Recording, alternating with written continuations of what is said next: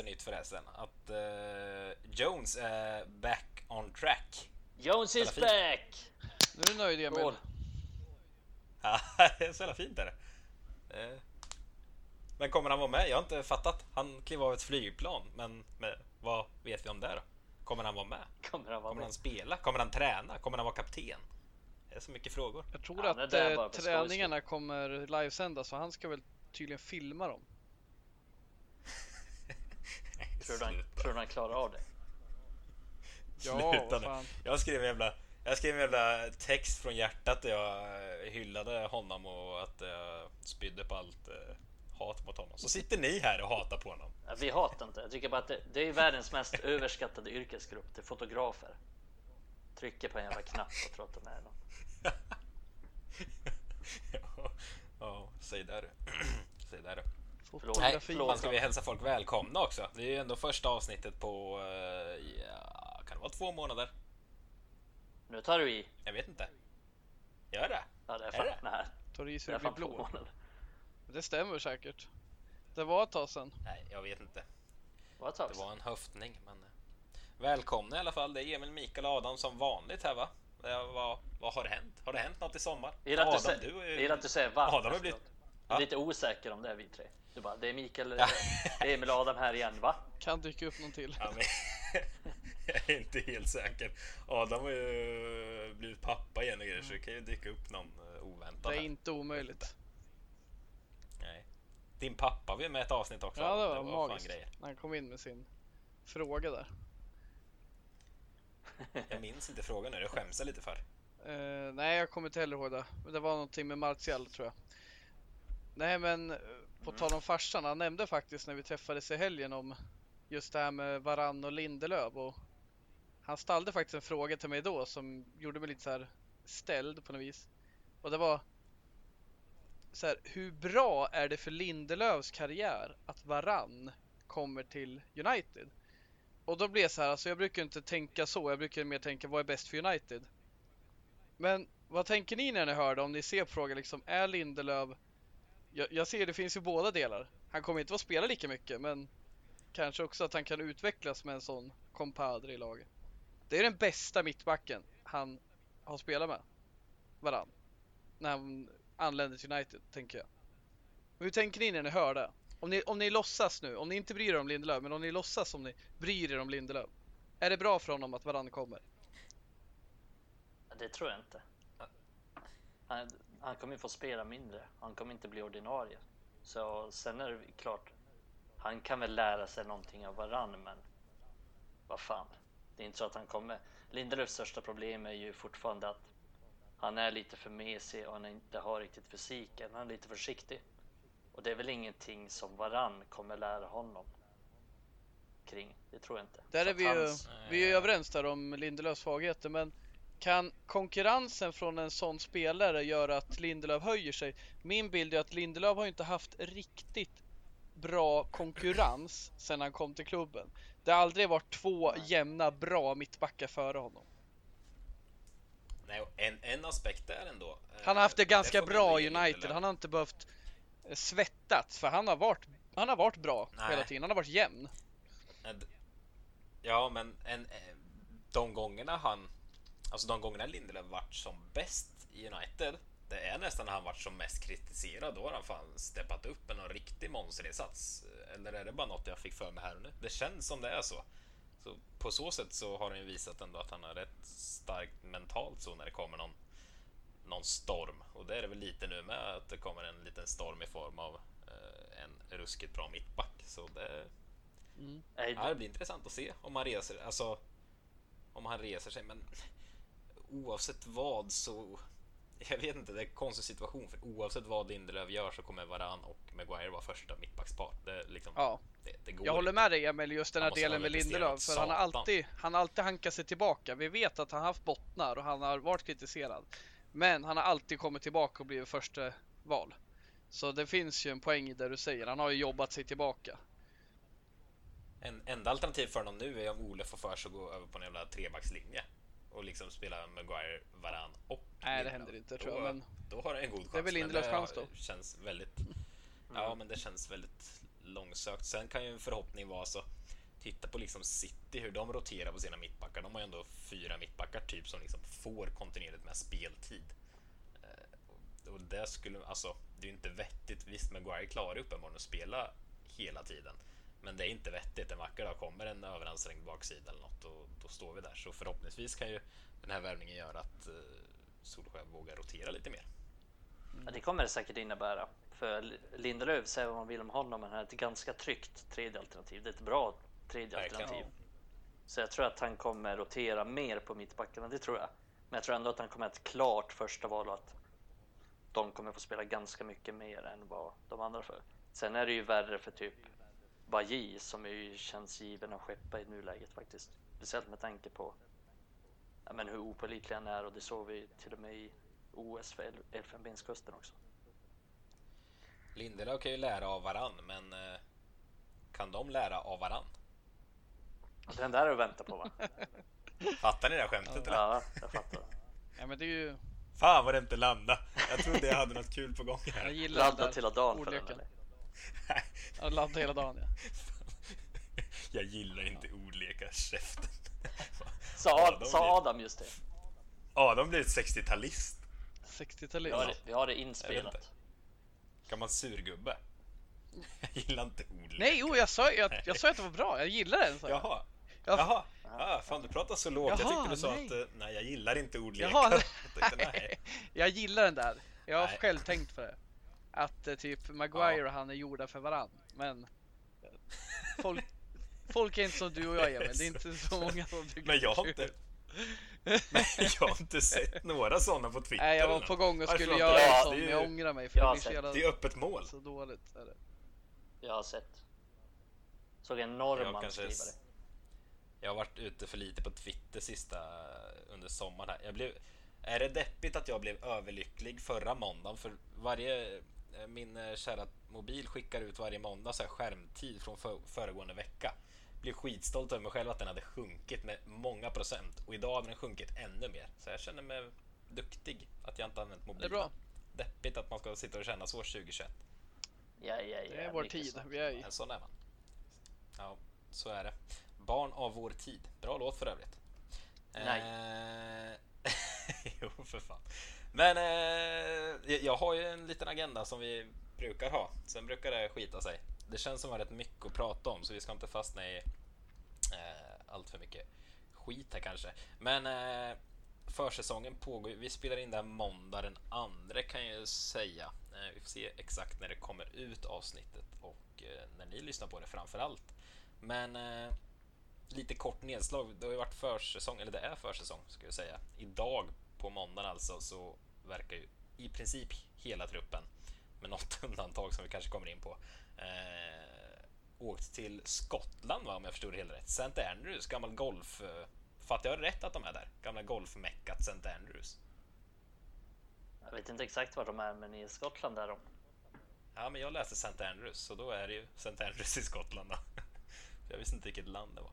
Men eh, om vi bara ska göra ett kort nedslag i försäsongen. Det är inget att fastna i jättelänge, men är det någonting som har liksom fångat in er under de här få matcherna vi ändå sett?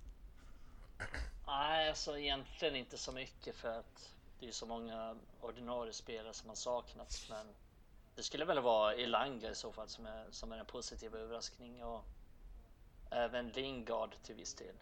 Men jag tycker Elanga verkligen har visat att han vill vara med. Och han är bättre tränad än någonsin. Vi såg i bilden från i somras också när han har tränat extra och det märks att han är extremt ambitiös. Och, och det är ändå en av de viktigaste egenskaperna som kan ta honom ganska långt.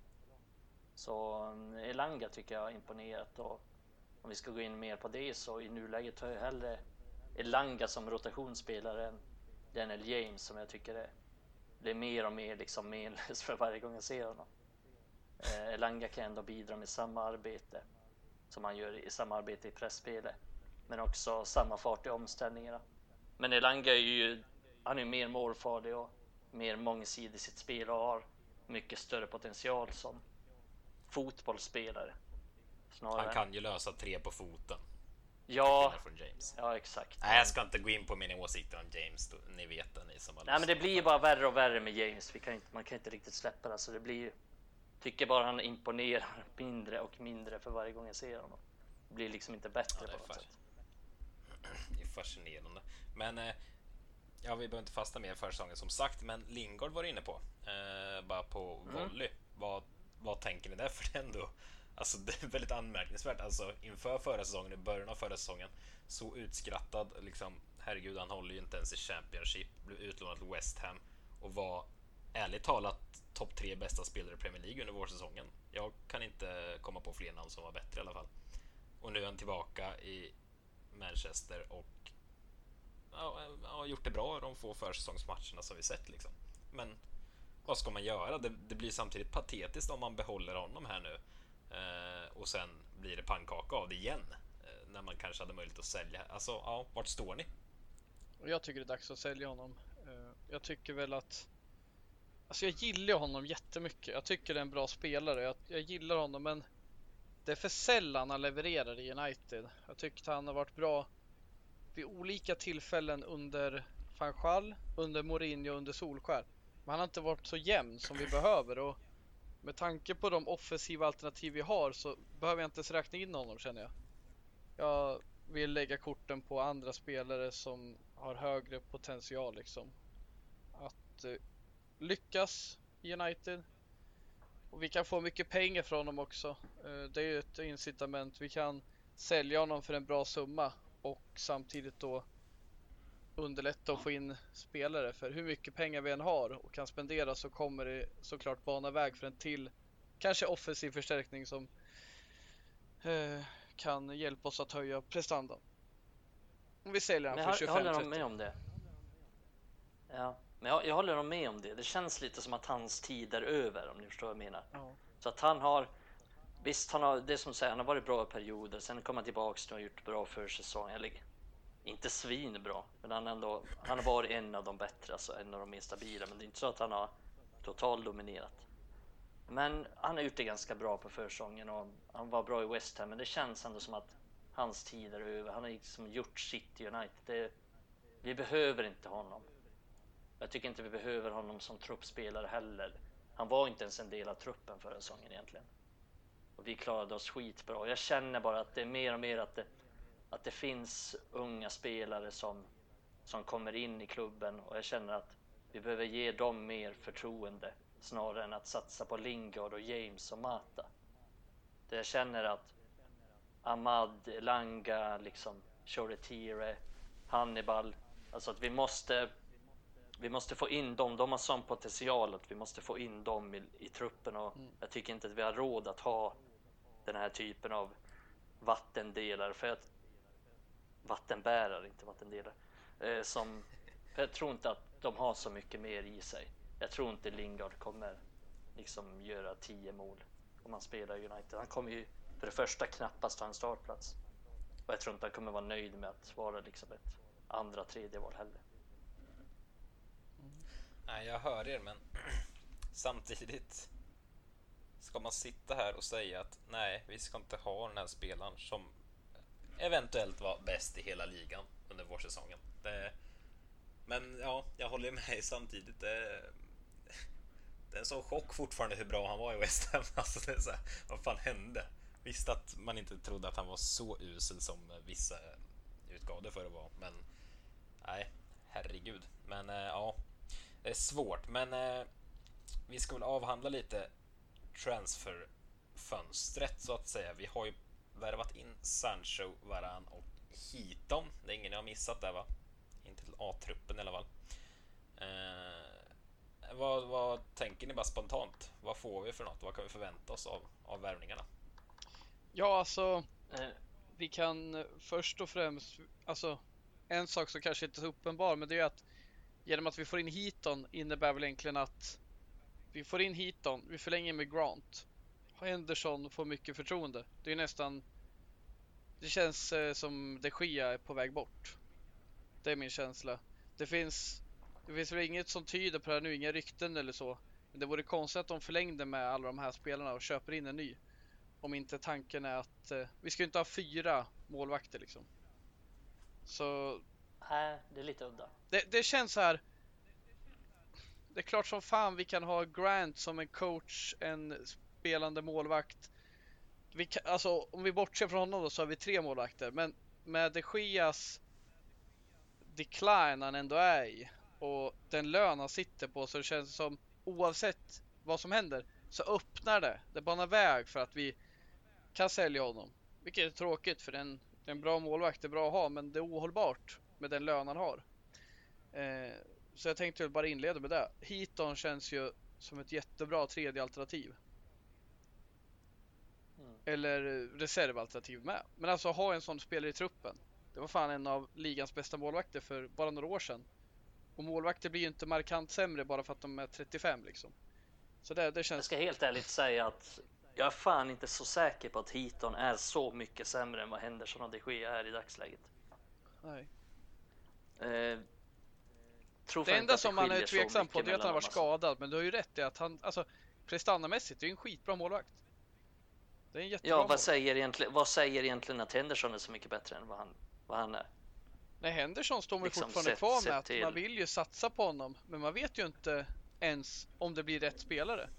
Det jag vet i den här diskussionen vi haft det så många gånger under våren, det är att jag inte vill satsa på de Gia.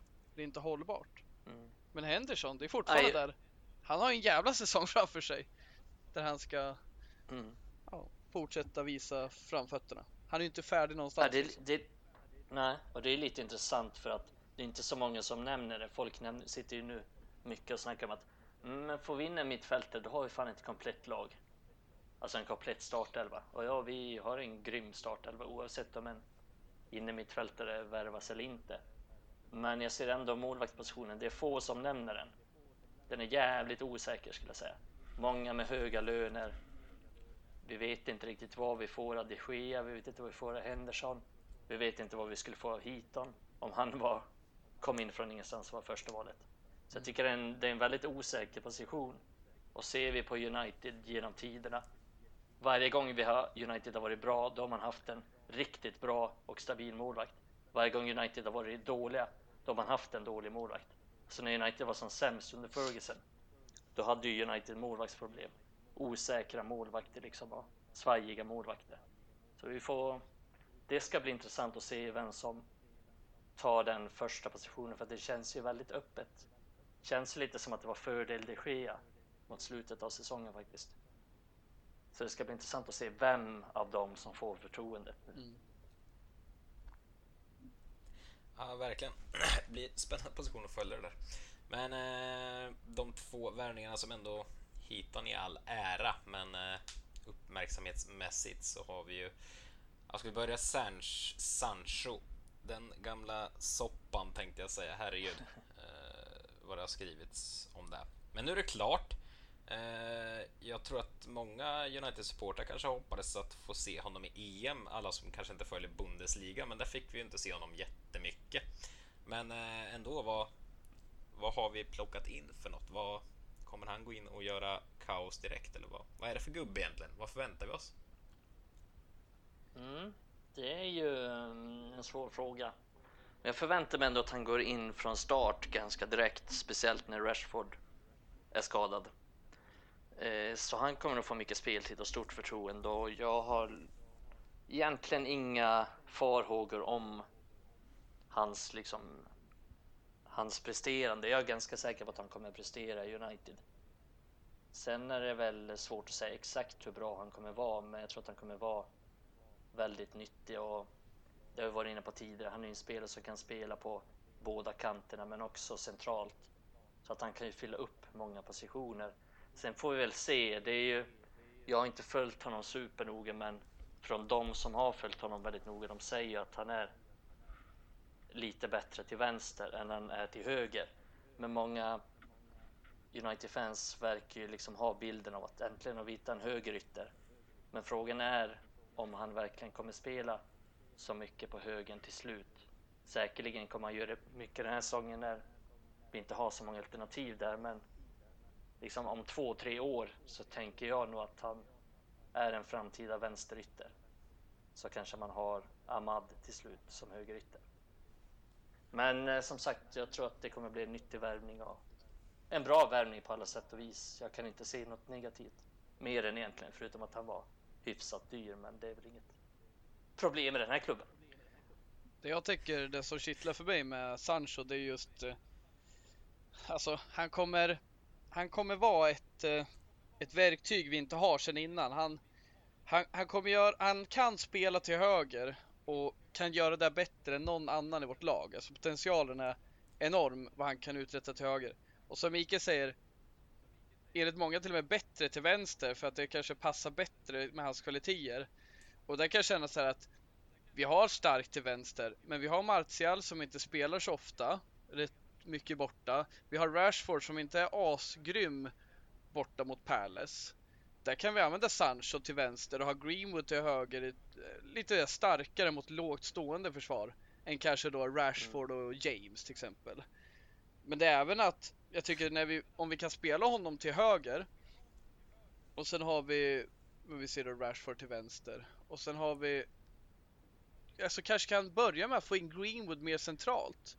Cavani är likt Martial en spelare som missade många matcher förra säsongen och det kan se ut så även kommande säsong. Och då är det skönt att ha Greenwood som alternativ. Och det har varit lätt att sätta honom till höger för då har han ju fått spela när Cavani är med. Men jag tror det här kommer bana väg för att Greenwood får faktiskt ta sin rätta roll, den centrala rollen.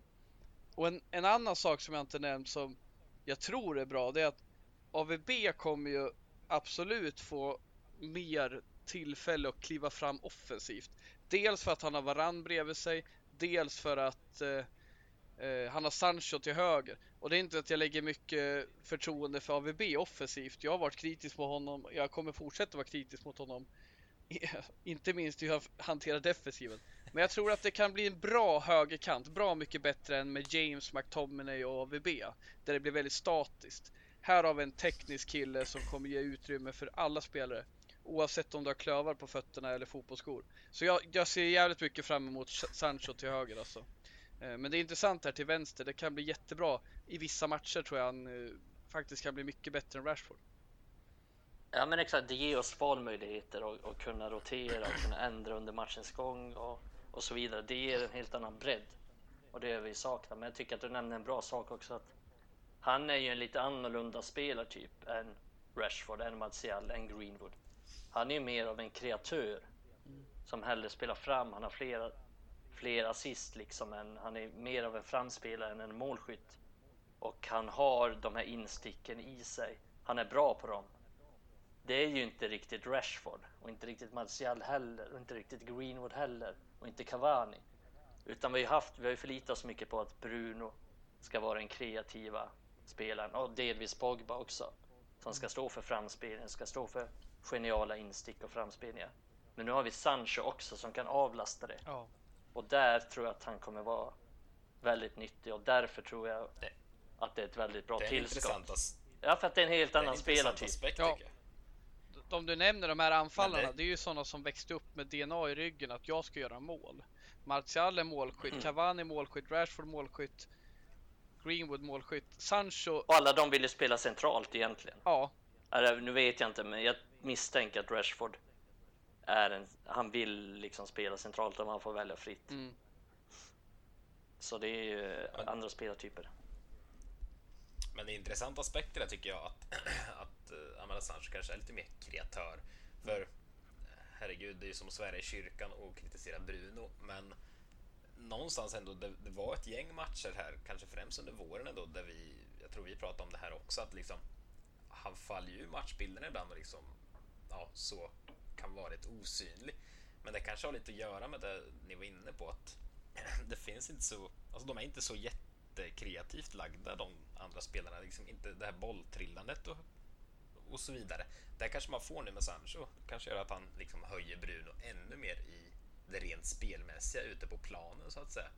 Det, det är ju mm. en aspekt jag kommer vilja spana efter. Alltså, det var länge sedan, jag kan inte komma ihåg senast när det, en värvning som United har gjort liksom kittlar lika mycket som Sancho. Visst, Bruno återigen, men alltså han kom från portugisiska ligan och var såhär, åh herregud, allt är bra som nummer 10 på skolan mot när vi hade Pereira och vad det var för luffare som sprang runt. Eh, men, men det visste man inte riktigt så mycket. Alltså här, det kittlar så mycket. Man vill se Sancho redan nu. Alltså vad, vad är det för gubbe och vad kommer han tillföra? Det ska bli jäkligt spännande att se alltså. På tal om kittla. Varann. Vi har bara varann. Nej, det var faktiskt ingen eh, Olle. Det är bara du som tolkar det så. Det kittlar med Jag tänkte, Ja. Det kittlar med varann. Fy fan vad det kittlar med varann. Det känns inte som en... Gör... Sluta skratta för helvete. Jag, Det är ingen som tycker jag, det är trodde kul. du, jag trodde du skojade att vi skulle kittla varann. Jag Va? det var... Fan, Jag jag vet inte. Jag trodde det var en ordvits. Ja, men jag satt själv och laddade för en ordvits på när vi skulle gå över på varandra. Så det, det, slog, det slog slint. Ja, det är tur att jag, jag läste dina tankar och tog över den istället så du slipper skämma ut dig inför svenska, norska, amerikanska folket. För, Col- Finska för Columbus. Columbus. Ja. Fortsätt du. Vi har varandra. Nej, nej, men eh, vi har varann och vi, det är sällan United gör den här typen av värvningar tycker jag. För varann är ju, har ju varit en av världens bästa mittbackar. Liksom. Vi köper från Real Madrid en spelare som de vill ha kvar. Liksom, hur ofta händer det? Eh, Så jag är jävligt spänd på att se den och som sagt, det är en, det är en spelartyp tycker jag också som passar bra ihop med Maguire. För vi har ju sökt det. Varann är snabb. Liksom, plus att han är bra i luften och rätt bra med bollen också. Så vi har saknat den där snabba mittbacken som gör att vi kanske kan stå högre upp i laget. Eh, vinna tillbaka bollen lite tidigare. Liksom ha den tryggheten att vi har en mittback som är snabb som kan rädda upp situationer. Plus att AVB är snabb, plus att Shaw är snabb. Plus att Maguire är jävligt snabb också. Så vi har ju den. Det är ingen som reagerar på det så. Jag orkar inte Ja, börja skratta. Om jag tillåter mig själv skratta igen så kommer jag inte sluta. Så men- jag sitter där och biter mig i Det är ingen, Nej, men det är det- ingen liten ja. grej att kunna ställa backlinjen högre upp liksom. Med det sättet vi vill spela. Det är ju liksom en förutsättning när man ska ha mycket boll. Och dit har vi ju kommit. Jag ska ju försöka släppa det här nu med att ja, men det kanske är rätt spelare för att köra den här matchen när vi ska ligga lågt. Alltså nästa säsong ska vi kunna Alltså vi ska möta Liverpool och styra matcherna. Vi har gått över dit. Vi ska aldrig ligga lågt. Nej men för två år sedan då tycker jag Exakt. ändå det är okej att leka med att vi har Pereira och James på plan och att vi ligger lågt. Och kryssa på Anfield. Men nu ska vi börja, vi ska gå över dit. Hittar vi en central mittfältare som styr spelet så ska vi kunna, eller vi ska tävla om ligatiteln. Vi, vi liksom, Bröstkorgen ja men fram. vi trycker fram för det den här säsongen. Solskär på backning och han får jättegoda förutsätt- förutsättningar. Så, eh, Ja, det är det jag menar. Det är lite det jag menar med James. När jag var inne på innan. Vi ska fan inte ha en sån spelare i truppen. Vi ska inte ska ha någon jävla... den Okej, nu ligger vi lågt och... Nu ligger vi lågt och slår på James liksom. Vi ska inte ha den. Nej. Jag tror han hade... Han hade inte fått vara en sekund på en Pep Guardiola-träning ens. Han hade väl slängt ut det och bara, Men varför-. Du kan ju inte ta emot en Men boll. varför människa." händer inget i den änden då? Varför, varför, Ja, men varför inte sett en enda försäljningen? Det finns en hel del dödkött i, det, i den här truppen, ärligt talat. Om, alltså, rent ut sagt, det finns dödkött i den här truppen. Jag tror att de har för Varför hög har lön. inte Liksom. en enda försäljning skett? Är det det? Ja, misstänker det. Andreas Pereira för hög lön sett till hur bra han är liksom. Och, och, och de klubbarna han platsar i, det är ju typ Granada, Levante. Det, det är liksom hans nivå. Bologna. Det är hans nivå. Det är liksom ingen, ingen skit mot Pereira. Det hade jag spelat i Bologna hade jag varit överlycklig. För att jag är så bra på fotboll. Men det är hans nivå. Och de har inte råd med hans lön. Så det är väl därför Nej. ingenting händer. Det där är ett fundamentalt problem i United just i samband med Brandon Williams historien. Man förstår ju att det är svårt att låna en spelare som Brandon Williams och, och, och täcka hans lön på 41 000 pund i veckan. När man inte ens vet om han kommer leverera. Det är en riktigt hög Plus lön för United- någon som man inte vet kan leverera i Premier League. Nej. Plus att United vill ha alltså en lånesumma som är ganska Ja. hög. Ja, Eh, Så United vill ha typ 4-5 miljoner pund bara för att de ska få låna Axel Sebe eller Brandon Williams en säsong. Och det är ganska mycket pengar Mm. som de lägger ut för att få låna en säsong plus lönen då. Eh, Men sen, eh, sen vet jag inte också så här. Skulle Ole, Ole sälja Danny James om det kom in ett bud? Jag tror fan inte det. Det är det som är lite skrämmande också. Jag tror definitivt han skulle sälja Pereira, det tror jag. Men där tror jag att det inte kommer in något bud. liksom. Men jag, jag, så här, jag tror att han kommer sälja, men jag håller ju med att han gillar ju James. Ja, Det är ju en spelare han tycker om. Det är en spelare han Ja. backar sådär. Men, Ja, men, men det är men, märkligt. så här, Jävla får man bli märkligt. 10-15 miljoner från Leeds ett bud, så tror jag fan är med att man hugger. Det är typ Nej, den enda klubben jag kan tänka mig köper dem. En enda aspekt, ni vet vart jag står i, i James-diskussionen, men en aspekt ändå för att försvara honom, det är att jag, jag tror han är tacksam att ha i truppen på så sätt att han tju- tjurar inte ihop och slänger skorna i omklädningsrummet och går därifrån när han sitter på bänk. Alltså han är en gubbe som accepterar att liksom spela femte fiolen och Mm. komma in lite då och då. Det är väl det positiva. Liksom skulle vi sälja honom och sen plocka in ytterligare någon offensiv spelare exempelvis. Alltså, då kanske det skulle bli problem rent truppdemografiskt så. Det, det kanske är där Solskär känner någon trygghet också. Men, eh, Jo, som- men jag ja, tycker sagt, inte att vi behöver ersätta spela. honom. Det är det som är grejen. Jag tycker Nej. inte att Nej. han behöver ersättas. Utan han kan ersättas av Elanga eller Hannibal eller Ja, och så vidare. De är liksom... Jag är fan tveksam. Är Elanga liksom en sämre spelare just nu till och med än vad James är? nej. Det är en, nej, definitivt en fråga man kan ställa sig. Nej, det är helt rimligt att tycka att Elanga är bättre även om... Sen är ju liksom så här, ja men Daniel James har bevi- bevisat sig och Daniel James har liksom erfarenhet. Men fan, har han verkligen det? Har han verkligen bevisat någonting? Jag tycker inte riktigt Nej. Nej. nej men Inte mycket i alla spelar- fall. ja, men, nej, sen Pereira var vi inne på. Ska inte heller till den typ. Mata vet jag inte, åldermannen, han förlängde nyligen. Men ska han spela något och sen någonstans, det är samma sak där. Jag tror Ole värnar ju om att ha en god stämning i truppen och liksom så. Och där tror ju Mata är en fantastisk, liksom, ett proffs ut i fingerspetsen och jag kan tänka mig, och man har väl hört det också, att han liksom men han tar hand om, liksom, kommer Elanga upp och undrar om något så finns pappa Mata där och tar honom under armen. Likaså Matic. Så där någonstans tror jag nog vikt, alltså de är nog väldigt viktiga bakom kulisserna. De, Sen- exakt, de kan jag ge en Vad är det värt? De kan Ja, ge sen en vad är det värt kontra lönen de lyfter? Det behöver väl kanske diskuteras också. Men nej, jag köper rakt av att de är kvar någonstans. Men som du var inne på, vi har mycket dörset på mittbacken nu. Jones Mm. är tydligen tillbaka. Eh, Tuansebe, Bailly. Eh, alltså det finns... Ja, någon behöver försvinna där. James, Pereira. Alltså, ja, det finns lite för mycket kvar fortfarande. eh, Som man känner att nej, det här tillför ingenting. Vi behöver Och inte vara oroliga för att någonstans- bli av med mittbackar för har vi en ligacupmatch i Stoke så kan ju Paul McShane göra ett skift en kväll. Han skulle ju inte göra bort sig. Ja, skulle vara mysigt att ta in Paul McShane när vi har lite skadekris. Paul McShane och Jag skulle vara s- Tuansebe i ligacupen. Det skulle vara så fint också. Han har ju aldrig fått, han har ju aldrig gjort en A-lagsmatch i United. Nej, Nu, nu vill jag bara för den breda massans skull förklara er vem Paul McShane ja, är. jag överlåter den till mig själv. Spelande, spelande tränare i ungdomslaget, typ. Akademiprodukt som återvänder i Lunvikel. Han blir coach. Spelande coach i Ja, U23. precis. Han ska, han ska väl vara någon slags coach i typ från U15 till U23. Den ska hjälpa till och liksom hjälpa till på träningen och sådär. Men sen kommer han också vara en spelande tränare. Vilket innebär att han kommer spela en del matcher med U23. Och U23 får ha tre överåriga spelare per match. Och de kommer i princip inte ha någon överårig någonsin.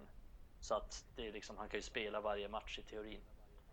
Eh, han har redan spelat två av försäsongsmatcherna med dem. Och U23 har inte så många mittbackar så det är, det är ju rätt rimligt. att jag tror att det är en bra, liksom, det är bra för dem i backlinjen och målvakt att spela med honom och se, se hur det liksom funkar så här, han har- organisationsmässigt. Men han lämnade han i har själv 25. lirat, eh, men han har snurrat runt i typ League One, va? Om jag inte är helt... Championship lite också. Men, Ja, lite PL också va? Ja, ja, för fan. han har spelat Eh, många sista- matcher sista i åren PL nu. med, med. Sista, Mm. Med sista, City. tiden, sista tiden, tänker jag. Mm. Ja, men han har varit i, han var i Rochdale senast. Mm. Och de var väl i League One tror jag. Om jag inte missminner mig. Det är väl lite Eh, kul så, att han ja. och Heaton kommer tillbaka samma säsong. Det är samma ålder Mm. på dem, var det inte det? De Eller- lämnade väl ungefär samtidigt också. Han gjorde det. Ja. Men Eller Heaton lite senare på- tror jag. Men Men tyder inte sådana rekryteringar också på, alltså både Heaton och McShane, alltså just det här jag var inne på att fan Ole värnar otroligt mycket alltså Heaton måste ju också vara en jävla toppgubbe att få in i, i omklädningsrummet och liksom ner på träningsplanen. Han har en 3-4 år i sig fortfarande kvar säkert som han kan hänga i. Förväntar sig säkert inte speltid varje vecka men är ett superproffs säkert och har erfarenhet något satan. Alltså det känns... Det är väldigt mycket som görs rätt i United för tillfället och det... Ja, det, det känns bra. Ja, och på tal om att Ja. göra rätt så får vi ändå hylla liksom ledningen för har gjort klart ganska snabbt både med Sancho och Varann och Heaton för den delen. Så det är ju tre ganska tre bra värvningar liksom innan innan augusti ens. Så, så det är mer och mer som görs rätt definitivt. På, på tal om god stämning i omklädningsrum. Eh, bara komma på nu att vi måste kanske nämna Pogba ändå. Eh, ja, dels så sprider han väldigt god energi i omklädningsrummet när eh, allt eh, står rätt till. Men eh, vi har varit inne på en miljon gånger eh, att eh, ja, det kan eh, osa katt där omkring med Raiola i spetsen också. Och eh, han har inte setts till idag va? Visst var det de flesta spelare var ju tillbaka nu och klev av det där flyget St. Andrews, men Pogba var väl inte med va? Eller var han där? Jag har inte hängt med nu, jag har inte hunnit läsa in mig. Så det tar jag på volley nu. Men eh, Harry Inte Kane. vad jag det vet. han ska, det ryktas att han ska bort också. Liksom, Harry vad, Kane ja. vad, vad tror vi? nej, lägg av nu. Exakt. Lägg av! Va? Nej men eh, Pogba, ja. Det är, en, det är en ständigt återkommande diskussion här och ja, vi vet ju inte vad som händer. Det verkar ju som att United vill behålla honom trots att han liksom inte ska skriva på ett nytt kontrakt.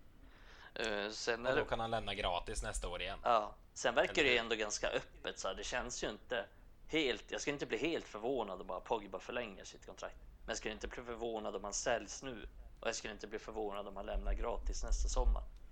Så det känns ju fortfarande väldigt, väldigt öppet. Vi har ju egentligen inte fått något svar på det sedan förra året när vi hade den här diskussionen. Utan det är ju fortfarande samma diskussion. Att, så här, Jag tyckte det var väldigt intressant. Det har ju rapporterats från flera olika håll att Varan och Pogba, de båda fransmännen, att liksom Varan pratade med eh, Pogba innan han kom. Mm. Eh, Det är ju ändå lite, alltså om Pogba nu funderar på att söka sig, alltså han måste ju sagt goda saker om United ändå. Eh, Alltså, jag. annars hade inte Varan, hans kompis, kommit liksom. Om Pogba sagt nej det är skit, jag har försökt dra nu i tre år och nu kommer jag nog dra. Ja men då kommer jag, säger Varan. Det, det kan ju inte ha hänt utan han måste ju sagt positiva saker. Liksom. Ja, jag vet inte. det går liksom inte att Någonstans läsa det- av Pogba överhuvudtaget. Nej, det, Det är så jag jävla försöker konstigt. Med det. Man tänker att det är positivt att Varan har pratat med honom innan han kom. För då borde Pogba vilja vara med på tåget också om allt är frid och fröjd. Men ja, Ja, men jag tror ändå Pogba har bra saker att säga om Ole. Jag tror ändå han är. Jag tror att han vill bort. Det tror jag faktiskt. Men jag tror ändå han har ganska bra saker att säga om United. Och eh, framförallt om Ole tror jag. Jag Mm. tror han tycker att Ole är en liksom bra gubbe.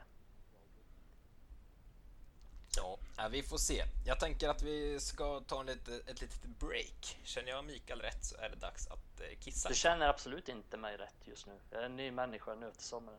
Ja, då tar jag över det tåget och går och kissar. Gör det. Återseende.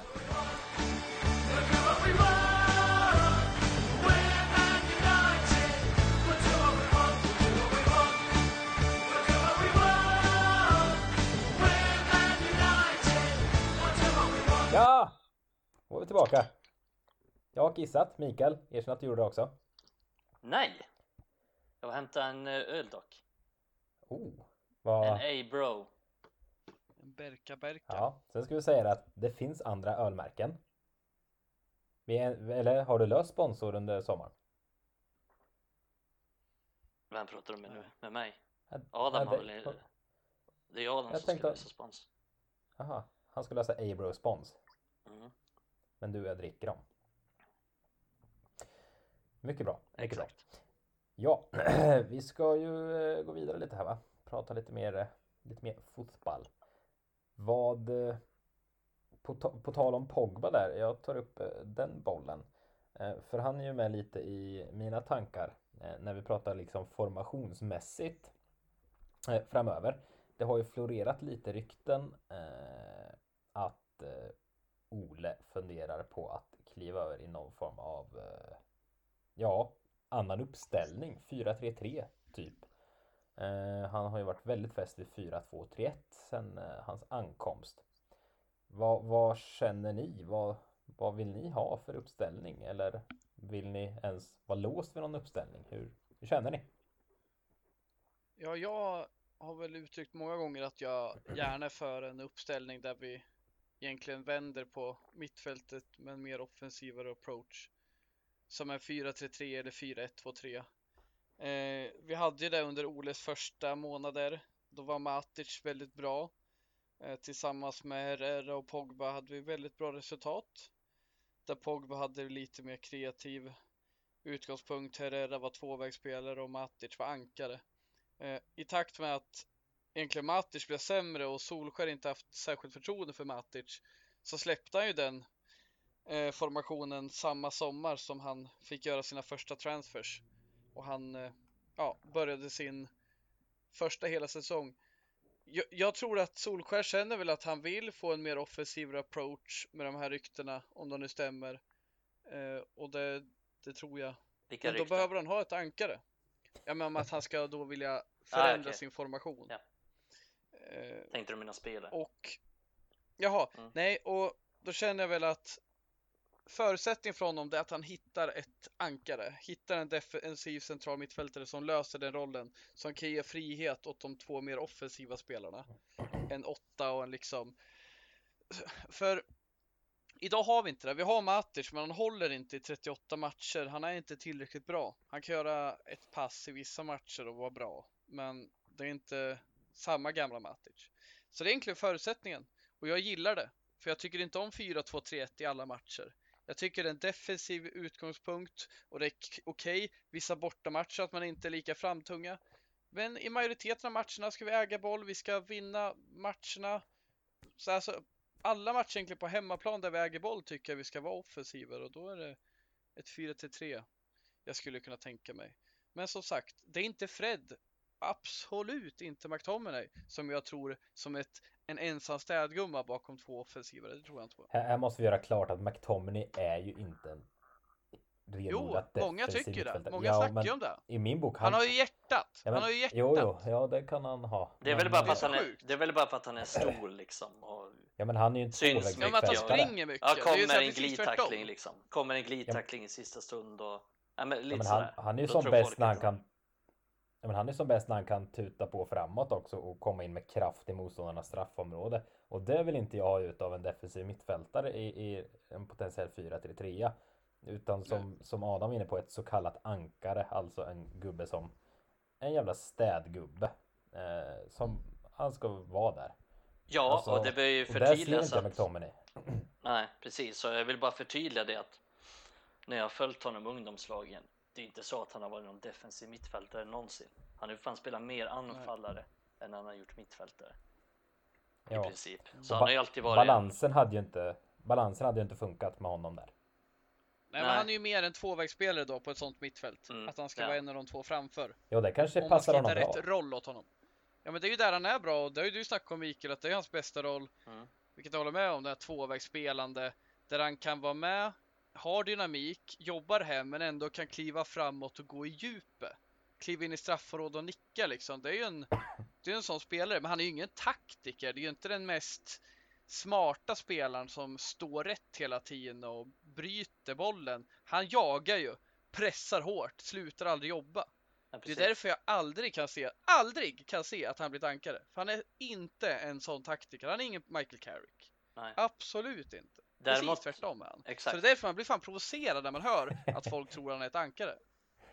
Däremot kan man ju se honom i, Däremot kan man ju se honom med, med, alltså med ett riktigt ankare, med en riktigt bra defensiv mittfältare som kan täcka stora ytor, som är liksom Jag vill ju att Alltså när man spelar 4-3-3 och har ankaret, då vill jag ändå att jag tycker inte riktigt att, även om Matic var bra där i, alltså i början av Ole, som du sa Adam, så, så tycker jag inte riktigt att han passar för att jag vill att den ensamma ankare ska vara mer rörlig i ett 4-3-3. Ska kunna täcka stora ytor, springa mycket i det tomma liksom och vara en var ganska snabb tycker jag faktiskt. Eh, så jag tycker inte riktigt att Matic passar och speciellt inte nu längre. Men han är ju fortfarande det bästa alternativet vi har i nuläget och det är det stora problemet. Däremot så tror jag att McTominay skulle kunna vara ganska bra i ett 4-3-3 med ett riktigt bra ankare och sen McTominay och sen typ Bruno eller Pogba. Alltså om man Fred tänker då? så. Vi får Ja, inte glömma Fred. Vad, Jo, det får vad... ja, men skulle han, alltså om man lobbar upp eh, alternativa ankare här. Visst, om vi värvar ett ankare, men eh, den potentiella gubben kan ju behöva avlastning också. Har vi, kan Fred lösa den positionen eller Nej, kan han rent av ta den positionen? nej, Varför inte? nej, men han är, han är inte tillräckligt smart som spelare. Han är ju. Han är ett jävla rivjärn. Han springer överallt på planen. Liksom, han, är så, han är som en hund som jagar en pappersbit i vinden liksom. Och ett ankare kan man inte ha som går ut på sådana villovägar. Eh, så han, han, han är inte tillräckligt smart eller klok eller liksom positionsstark för den. Men däremot så tror jag att det skulle bli en hyfsat bra balans med ett riktigt bra ankare, precis som jag sa med McTominay och sen Fred och sen typ Bruno eller Pogba. Jag tror att det blir ett starkt mittfält då, för då får man den här Fred funkar ändå ganska bra som tvåvägsspelare, även om han är helt oduglig liksom vad gäller att skjuta och sådär. Så han är ju en, han är lite bättre passningsspelare än McTominay ändå tycker jag.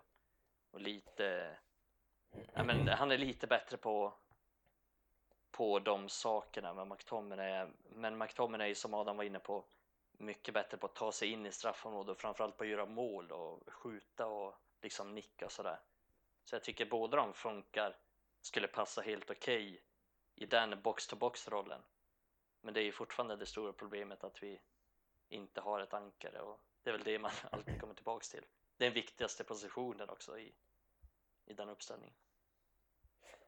Jag känner ju mest, alltså det jag går igång mest på i det här om vi ska vrida om in i mitt fältet så att säga. Det är ju att då kan man ha det här potentiella ankaret och sen kan man faktiskt rent teoretiskt ha både Bruno och Pogba där i positioner som gynnar dem. Eh, Donny van de Beek ska absolut inte förglömmas. Eh, en sån position tror jag hade passat honom alldeles utmärkt också. Och ni är inne på det, McTominay hade funkat där troligtvis. Eh, Fred delvis. Alltså, Mm. vi får in Alltså får vi in både Bruno och Pogba till exempel. Det är två av våra absolut bästa fotbollsspelare rent, eh, bara, rent på ett blankt papper så. Kan vi få in båda dem i, i en sån position och så har vi liksom Sancho och gubbarna framåt. Eh, Alltså, det går inte att argumentera mot att vi måste få till det på något sätt. Det hade gynnat våra spelare, men det måste in en an- ett ankare. Det, det är liksom där det står och faller på. Och det är lite trist om man inte om man inte tar den här chansen och liksom plockar in eh, den positionen. Då, nej, det, det, måste, Alltså- det måste ske. Det skulle förändra allt. Det skulle, det skulle få oss att liksom maximera, få ut, få ut fullt egentligen av det ma- material vi har. Ja. Som det ser ut idag så har vi 4-2-3-1 och vi liksom börjar trockla in Pogba så sittande. Ja, man stryper Eh, spelare då. Van de Beek så sittande var ju rätt bra i slut och liksom till och med vissa börjar fundera på om han kan vara ett alternativ där. Men å andra sidan, om det här nu bara är ett rykte får vi se, men det är ju ganska naturligt någonstans att Ole vill vända på det för att få ut max. Så att liksom istället för att ha två defensiva och en offensiv, när vi egentligen bara har, vi har ju få defensiva alternativ, men vi har flera offensiva alternativ på, på mittfältet. Kunna få in roller där vi har Bruno och Pogba eller Bruno och van de Beek beroende på vilka vi möter. Det känns så jävla logiskt. Och det är ju att tänka åt rätt håll så vi inte börjar som sagt trockla in Pogba som sittande mittfältare eller van de Beek är ju ännu galnare och kör som sittande mittfältare. Van de Beek måste ju röra på sig för att vara bra. Pogba behöver ju inte röra sig lika mycket för att han, har, han är bättre med bollen vid fötterna. Men van de Beek och sätta han där, han ska ju röra sig hela tiden, han ska ju gå i djupet, han ska bara gå och gå, röra sig. Mm. Hela tiden i rörelse. Det är då han är bra. Och länka upp med spelarna. Inte vara nere vid mittcirkeln. Nej, och, det, Så- och det är ju en spelare som jag tror skulle passa bra. Alltså som det, om säg att Ole går ut på träningsplanen och säger att nu ska vi börja köra 4-3-3. Då knyter ju van der Mm. Beek näven i fickan liksom. Yes. Verkligen. Pogba Eh, gör och också det är ju det. Pogba är också. flera spelare som gör det. Krasst, om man, ser, om, man, om man spelar med någon som är riktigt duktig på futsal. Man vet, den, den kan futsal. Det är en helt annan sak än du är ute på gräs och spelar. Det är ett helt annat sätt att spela. Jag tror också, som du säger Mikael, kör man 4-3 på en träning, då tror jag att folk hade tittat på van de Beek. Och det handlar inte om att van de Beek är världens bästa spelare, det är att vi, vi har ganska mediokra mittfältare idag. Och de skulle se att fan, den här spelaren, han kan lira 4-3. Jag menar inte att Pogba och Bruno är mediokra, men det finns många som McTominay, Fred, Matic, håller inte högsta nivå idag. Nej, då skulle man se att den här killen, han vet hur vi ska lira 4-3. Och jag tycker inte vi har gjort all, gett van de Beek alla förutsättningar. Men sen har jag också förväntat mig mer av honom. Jag har inte trott han är så kanske begränsad som han är. Jag trodde nog han kunde vara som sittande mittfältare. Vi alla var ganska exalterade när han kom förra säsongen. Men jag tror att en annan formation kan göra honom bättre. Jag tror han kommer vara bra den här säsongen. För det ska sägas också, han var så jävla dålig förra säsongen. Kan ju inte bli sämre, eller hur? Han var skitdålig. nej det, han kan knappast säsongen. bli sämre. Nej, och jag tror, men han är en duktig fotbollsspelare, det är han. Men han blev Mm. strypt någonstans. Jättedåligt självförtroende också. Jag tror han kom dit och trodde han skulle vara Allan. Han var jätteledsen när han satt där med sina hundögon. Så den, alltså jag tror det bara kan bli bättre med honom faktiskt. Han skulle Och jag spela tror att Allan, men han kommer vara blev Janne. jättebra i en 4-3. Han Han skulle, blev Janne han skulle hörnet. spela alla, men han blev Janne på hörnet. Ja. Nej, men eh, hur tänker ni kring, jag börjar tänka nu så här, kring Bruno? Han kan ju knappast vara bättre än han, har, än han är i ett 4-2-3-1 när han får vara liksom tian. Ensam tia. Det är ju perfekt för ja, du honom. menar att Jag menar att han, spelar man 4-3-3, då kommer han bli sämre, tror jag. Nej, tror du? Jag är inte säker. Jag- Jag tänker att vi får en, en sittande mittfältare som ger Bruno mer, alltså ett ankare, ett bra ankare med bra passningshot. Som ger Bruno mer utrymme till att komma längre upp i planen, slippa röra sig lika mycket, alltså gå ner och hämta boll. Att han blir mer upp med bollen på Bruno och sen gå ut med den i djupet, alltså ut på kanten eller hitta någon i djupet. Jag tror att tvärtom, jag tror Bruno bara kan bli bättre i den rollen. Jag, tror jag Det är det som kittlar. Ja, absolut. Alltså, jag tycker Bruno är för mycket och kladdar i bollen och rör sig för mycket i fel ytor och vill Men han möta kan ju knappt som en bli extra bättre. spelare. Han kan ju knappt bli bättre än han har varit. Jo, men Jag, det, jag känner väl att eh, han kan bli bättre möjligt. i det öppna spelet. Mm. Nej, alltså Absolut. poängmässigt känns det ju galet, men han kan ju bli ännu mer involverad i spelet högt upp i plan tycker Absolut, det han kan bli jag mer med. involverad, men tror att han kommer göra mer poäng än han har gjort som... nej, det som kanske han inte kommer göra. Men det behöver vi inte heller. För, alltså, förstå mig rätt nu. Bruno har gjort för mycket poäng för det här laget. Alltså, ja men vi, Vi, klipper bara ut det, vi poängen. klipper ut det här som teaser. Bruno har gjort Nej, för men alltså, mycket. Nej men, nej men för att förstå mig rätt, alltså det gör inget om han gör 10 poäng färre kommande säsong. Eh, men, an, men de poängen ska ju såklart pytsas ut på andra spelare. Vi har Sancho nu, Rashford ska göra lite fler poäng. Martial kanske vaknar från de döda. Cavani, Greenwood ska ta ytterligare steg. Ahmad kanske kommer in från höger. Alltså det ska gå att pytsa ut poängen. Vi har litat för mycket på Bruno och jag är lite inne på samma som Adam och jag var inne på det eh, innan eh, halvtid här av avsnittet också att det finns fortfarande mer att få ut av Bruno rent spelmässigt. Och i den här potentiella 4-3-3 då kan han och Pogba istället för att ha eh, Fred och McTominay bakom sig till exempel. Då får han in Pogba och har ytterligare en världsklasspelare liksom med, med boll. Då kan de länka ihop mer. Alltså jag tror, jag tror som Adam, jag tror vi kan få ut ännu mer och problemet vi har haft, det största problemet, det har varit att vi inte kan bygga ett spel. I det här får vi in ytterligare en spelare. Och nu tänker jag Pogba och Bruno i den rollen. Eller Donny eventuellt då. Där, där tänker jag att vi får in spelare som kan hjälpa till med spelet, med boll, att bygga ett eget spel. Och Sancho som du var inne på förut är lite av en kreatör. Alltså jag tror det hade blivit kalasbra. Och sen varken Bruno eller Pogba är ju de är inga tröttmössor när det kommer till defensiven. Det kommer inte vara så att vi, vi får in två gubbar där som inte vinner en enda boll och liksom så, utan båda de är ju hyfsade bollvinnare eh, samtidigt. Jag Så, vet alltså, fan alltså om jag håller med om det. Bruno är det, men Pogba är till fan om han är. Jag tycker, inte någon av dem, jag tycker inte någon av dem är bra defensivt. Så jag tror att, nej, inte jag är bra, men nej, men jag vill inte pissa det- på någons parad här, men jag känner att ha Bruno och Pogba samtidigt i ett 4-3-3. Jag är lite rädd att det blir för offensivt, plus att vi har liksom yttrarna som förväntas göra ännu mindre än vad de har gjort. De har ju inte gjort mycket, alltså snackar vi hemjobb så har ju Rashford knappast varit bra i hemjobbet. Och Greenwood har väl inte heller varit superbra och Martial är ju knappast bra i hemjobbet.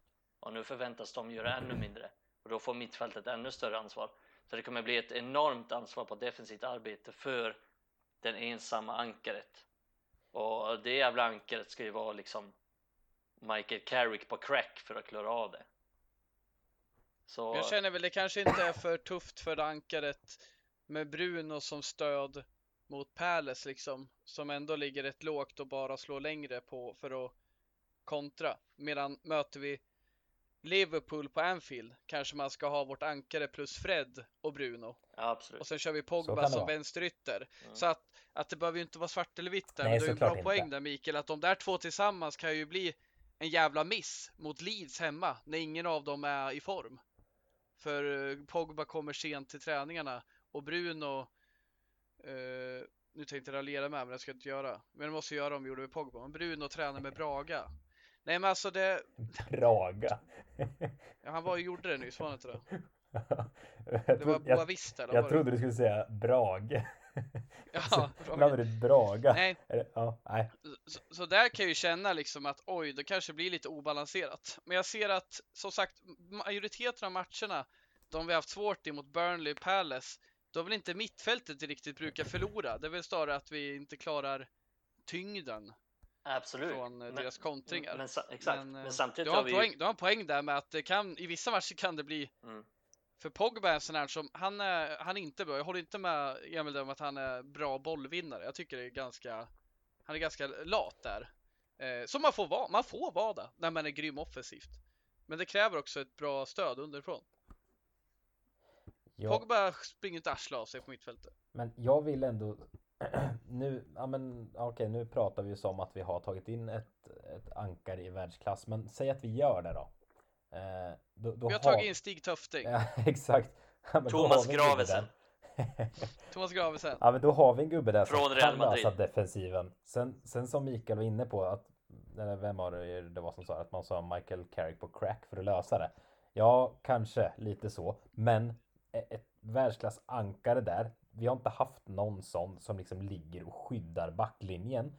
Och i den här backlinjen nu har vi fått in Vi har. Varane istället för Lindelöf. Ja, men jag ska väl garven. Nej, men alltså Ja men alltså det är ett, oavsett hur många som vurmar för Lindelöf, jag tycker han är duktig fotbollsspelare, men herregud det är ett jättehack upp och få in Rafael Varane där. Vi har ett mittbackspar av absolut högsta Premier League-mått nu. Eh, Luke Shaw som gjort otroliga framsteg på vänsterbacken. Eh, och sen har vi en högerback också. Eh, nej men har vi ett riktigt bra ankare där med? Alltså, jag Vi har en högerback alltså. Ja tydligen. Gillar det bara. Sen har vi en högerback också. Ja, det, Nej, men- det, det har de flesta lag. Ja, men jag tror faktiskt det hade kunnat funka i rätta match, inte i 38 omgångar i Premier League, men i 25 av dem tror jag det hade funkat med Bruno och Pogba där. Med, Jag ska eh, säga så här i alla fall. det- Det hade varit alltså- jävligt intressant att se. Ja, det är där jag vill se det. Sen funkar det inte så gör det inte. Då, men då som sagt vad vi varit inne på. Då har vi McTominay, vi har eh, Donny skulle kunna vara. Alltså det finns möjligheter. Det, fan, det måste testas. Man ska försöka få in sina bästa spelare i en startelva. Det är min fasta ståndpunkt. Och Bruno och Pogba är två spelare som då ska vara med i en startelva. Är Men tänk, tänk om vi jagar seger liksom. Tänk er det, det laget vi jagar seger, ligger under med 1-0 och det är en kvart kvar och vi, så har vi ett mittfält liksom med typ McTominay, eh, Pogba, Bruno, sen plus Sancho, Rashford, Cavani typ. Satan Mm. vilken offensiv kvalitet. Ja, det är otroligt. Och liksom sig för Rashford då. Och då har vi Greenwood att skicka in eller. Alltså det, nej. Jag går igång lite på det här framöver. Och med, med mittfältet där tänker jag att ni tycker, Alltså om man tycker det låter för offensivt med Bruno och, och Pogba där. Jag brukar vara allergisk mot sådana här eh, football manager 11 liksom när man bara pumpar på framåt. Det går såklart inte. Men, men då tänker jag lite på så här Manchester City för ett par år sedan. Alltså David Silva och De Bruyne hade väl de där och sen eh, något ankare bakom Fernandinho eller något. Funkade ju hyfsat bra för dem om vi säger så. så alltså, Ja, men de, är så, de har ju bollen hela tiden. De är så jävla ja, visst. men skolade kring det och i pressspelet och sådär. Och det är inte riktigt United taktiskt under Ole, än i alla fall. Nej, Sen så är det ju. Men det- vi har ju å andra sidan inte haft en enda innermittfältare som kan göra tre dutt på foten. Så det är ju svårt att liksom säga med. Eh, Jag vet inte. Jag vill i alla fall att jag vill se det här innan jag kastar det i någon soptunna. Det, de bästa spelarna ska in i elvan helt enkelt. Och det tror jag vi kan, kan få till med en 4-3-3. Vi ska väl inte diskutera den uppställningen bara. Vad, det är premiär hemma mot Leeds lördag 14 augusti ska sägas. Eh, det närmar sig med stormsteg mindre än två veckor kvar. Men eh, vad, vad, vad kan vi förvänta oss inför kommande säsong? Eller vad ska vi förvänta oss? Väl- Alltså jag, jag funderar på igår, jag är lite, så här lite orolig inför den matchen mot eh, Leeds. Ja, det Eh, också. Det har pockat på lite de senaste veckan. Eh, och det baserar egentligen på att det känns som vi närmar oss ännu en säsong där vi inte riktigt är i form. Någon av våra viktigaste spelare. Eh, vi har kört många talanger och reserver och det har varit intressant att se. Men det har inte slagit gnistor om det. Låst igår liksom vid reserverna. Men vi spelar knappt någon av våra viktigare spelare och jag tror vi kan vara ganska eh, tvåa på bollen så att säga mot Leeds. Och det är fan så här, sämsta lag att möta då. Det är precis sämsta laget. Leeds spelar typ sitt bästa lag i de träningsmatcherna de har haft. De har Calvin Phillips borta liksom. Sen att jag har koll på resten. Eh, men få in honom, han kommer vara redo till eh, premiären. Precis som Luke Shaw kommer vara redo för premiären. Men det känns någonstans som att ah, jag tror inte det blir torsk, men jag tror det kan bli så här tråkig kan, eller tråkig, det kan bli ett rolig match, det kan bli mycket mål, men 2-2 match och det är ingen skön start. Leeds passar oss jättebra och har vi ett lag som är redo att köra, alla är 100% redo, då tror jag vi vinner Paul Trafford. Men det här är fan, jag tror det är sämsta lag, sämsta tillfället att möta Leeds och det är för att de är, det är ett starkt fysiskt lag och jag tror inte vi kommer vara så starka fysiskt som vi borde kunna vara. Exakt. Det har ju med EM att göra och så vidare. Jättebra poäng för att Leeds är starka fysiskt och United kommer vara rätt svaga fysiskt för att ingen av de viktigaste och bästa spelarna har varit med på försäsongen. Alltså när vi pratar nu så har de gjort en träning liksom. Och matchen är om mindre än två veckor. Så att de kommer inte vara i, i bästa form. Så här Bruno, Shaw, Maguire och så vidare, och så vidare. De kommer inte vara i den bästa formen så att det kommer bli tufft för att Leeds kommer vara bättre fysiskt än oss och jag tror precis som du Adam att man kommer känna att United är lite tvåa på bollen. Leeds vinner fler dueller. Så jag tror att det kommer bli en tuff match och jag hade hellre mött typ Burnley hemma där. där Okej, okej, visserligen måste vi hålla ett högt tempo liksom för att spela bort dem för att de är de släpper inte in så mycket mål. Ett Burnley. Men vi kan ändå ha råd att förlora dueller mot dem liksom så här fysiska dueller på mittplan och vara lite tvåa på bollen. För att de kommer inte utgöra något stort hot förutom på fasta situationer. Men här så kan jag verkligen se, precis som Adam, att jag kan se en målrik match och jag kan se att Leeds liksom är lite hetare än United. Men eh, så jag tror inte United kommer vara jättebra förberedda den här säsongen heller. Eh, Däremot så Fan vad piss det känns. Nej, precis. Men däremot så kommer United vara bättre förberedda än man var förra säsongen. Så det är ju någonting Mm. egentligen. Eh, vi har två bra nyförvärv som jag sa innan att vi har gjort klart med dem ganska tidigt. Så att vi kan ha typ Sancho från start. Vi kan ha ett bra nyförvärv från start och förmodligen varann från start också. Eh, så vi är lite bättre förberedda än förra säsongen, men det är inte optimalt, det är det inte.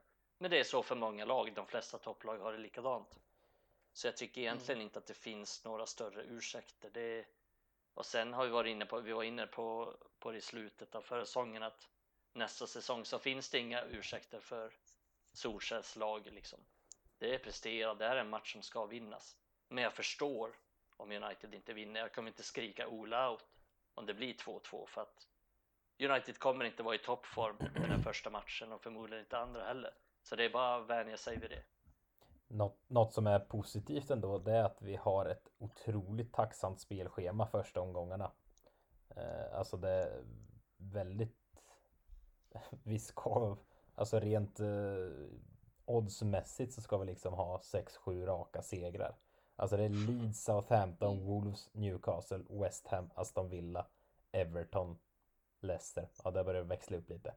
Sen däremot framåt oktober då har vi Liverpool, Spurs, City och sen Chelsea, Arsenal. Ja, det, det, mm. det pendlar rätt duktigt. Men eh, som ni är inne på där, eh, kommer komma ett halvt bakfullt gäng här nu från EM och semester.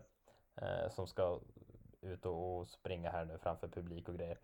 Eh, alltså, det positiva är ju liksom att det är lätt ja, motstånd. Det är ju andra lag som också kommer ha tuffa matcher i början. Ja. Det är bara synd att typ Leeds är väl kanske det sämsta laget man kunde få. Förutom kanske Leicester tror jag. Mm. Som också har ganska många fräscha spelare redo. Men eh, som du säger, möta Wolves nu, möta liksom Southampton. Det är ju fantastiska eh, matcher att ha i början. Tycker jag. Och ett Aston Villa som kanske utan Grealish med andra ord ett Aston Villa som fan mig kan åka ut. Nej, men det är ett dåligt Aston Villa kommer vara utan Grealish. Så tror du det? De var inte, ja, de var inte vassa när han var skadad, men jag tror inte de kommer åka ut. Jag de tror de värvar ganska bra ändå tycker jag. Aston, välkommen till Aston Villa. Ja. Ja, vad heter det? Han hade pappa Torkel var stolt när han hör oss. Han är ju intressant den här tysken, men vi vet ju hur det går gått för tyska Buendia också. som kommer till Ja, Buendia och... Hur fan fastnar vi, in, hur fastnar vi Aston Villa som vi möter i typ omgång tre? Han kommer vara bra i Premier League jag också. Vi måste komma in på Harry Kane Han kommer vara bra i Premier League också, Buendia. Har någon sett till Harry Kane? Det var år sedan vi var små. Vad fan händer nu? Sköts i bitar. Jag kanske gled emellan. Har vi lagt på en avslutslåt här? Jag vet inte fan Nej, vi får Nej. klippa in den i slutet. Ja, kanske. Nej, men... Eh... Men eh, bra inledning på säsongen med Leeds, den eh, får vi akta oss för. Ja. Eh, jag känner att eh, McTominay är ju inte så redo, men det är en spelare som Solskjaer nog kommer sätta först av alla in i startelvan. Mm. Det är en perfekt match för honom. Och den spelare som nog inte har legat på latsidan. Är min känsla när han varit ledig. Nej, han har ju ändå haft no, no. ganska lång semester. Så han borde vara ja, en av de som är mest redo. Även om han mm. inte har spelat någon träningsmatch än. Något som är positivt ändå, eh, ja, men här i början som vi är inne på att United har rätt många spelare som kanske inte är redo. Men det är samma sak för alla topplagen liksom. Alltså Chelsea, City, Liverpool. Alla de klubbarna har ju haft bra många spelare, framstående spelare ute på Eh, på mästerskap, Copa America eller EM eh, i, i väldigt många fall. Eh, inte Liverpool det... väl? Nej, jag, mycket... jag började tveka lite när jag tänkte ja. här. Det är ju afrikaner och Alltså både Salah, Ja men typ såhär van Dijk har ju inte Ja det är sant men han har ju inte spelat fotboll på ett år å andra sidan Nej precis Det är ju en nackdel det men Alexander Arnold var inte heller med i EM till exempel Men summa summarum så tror jag att det är fler lag som liksom kommer gå på gå på plumpa mm. liksom. Ja, ja, men Chelsea som avslutade fantastiskt men liksom Havertz som jag tyckte var jättefin i slutet. Han har precis börjat träna. Mason Mount har spelat hur mycket som helst och gick till final med England. Alltså det, mm. det är många i samma sits. Många kommer nog gå på plumpar innan det liksom är igång direkt och då har United ett väldigt tacksamt schema där vi kanske slip, slipper gå på så värst många plumpar som kanske, ja men säg Chelsea då. Nu kan jag inte deras spelschema men de de kan kanske inte. förlorar om de möter. Nej, det är dåligt av mig. Men eh, de kanske går på lite fler plumpar. Eh, mm. För jag gissar att de har lite svårare spelschema än oss. Och eh, ja, det blir kul. Det blir en ruskigt rolig Premier League-säsong. Sen har vi Champions League och, och cuper och grejer och så fram emot också såklart. Men just Premier League, alltså inte bara ur Uniteds synpunkt. Det ska bli jäkligt spännande. Liksom kan Liverpool studsa tillbaka? Tappat Wijnaldum och inte direkt eh, fångat upp något och, och liksom van Dijk och nyckelspelare långskadade och de underpresterade duktigt länge förra året. City liksom som redan så fantastiska ut var vad ska de göra om de har, ja, om de plockar in Grealish här nu till exempel. Det, ja, Har inte köpt någonting Ja. än. nej, men eh, behöver de där å andra sidan. Och sen har vi Chelsea som liksom, hur bra såg inte de ut då när Tuchel kom in och de lär väl inte bli sämre heller. Har väl inte Arsenal, heller köpt något? Med... Nej, nej, men Det är lite intressant Ja. att Liverpool, ja de har ju köpt Konate, men det var ju länge sedan.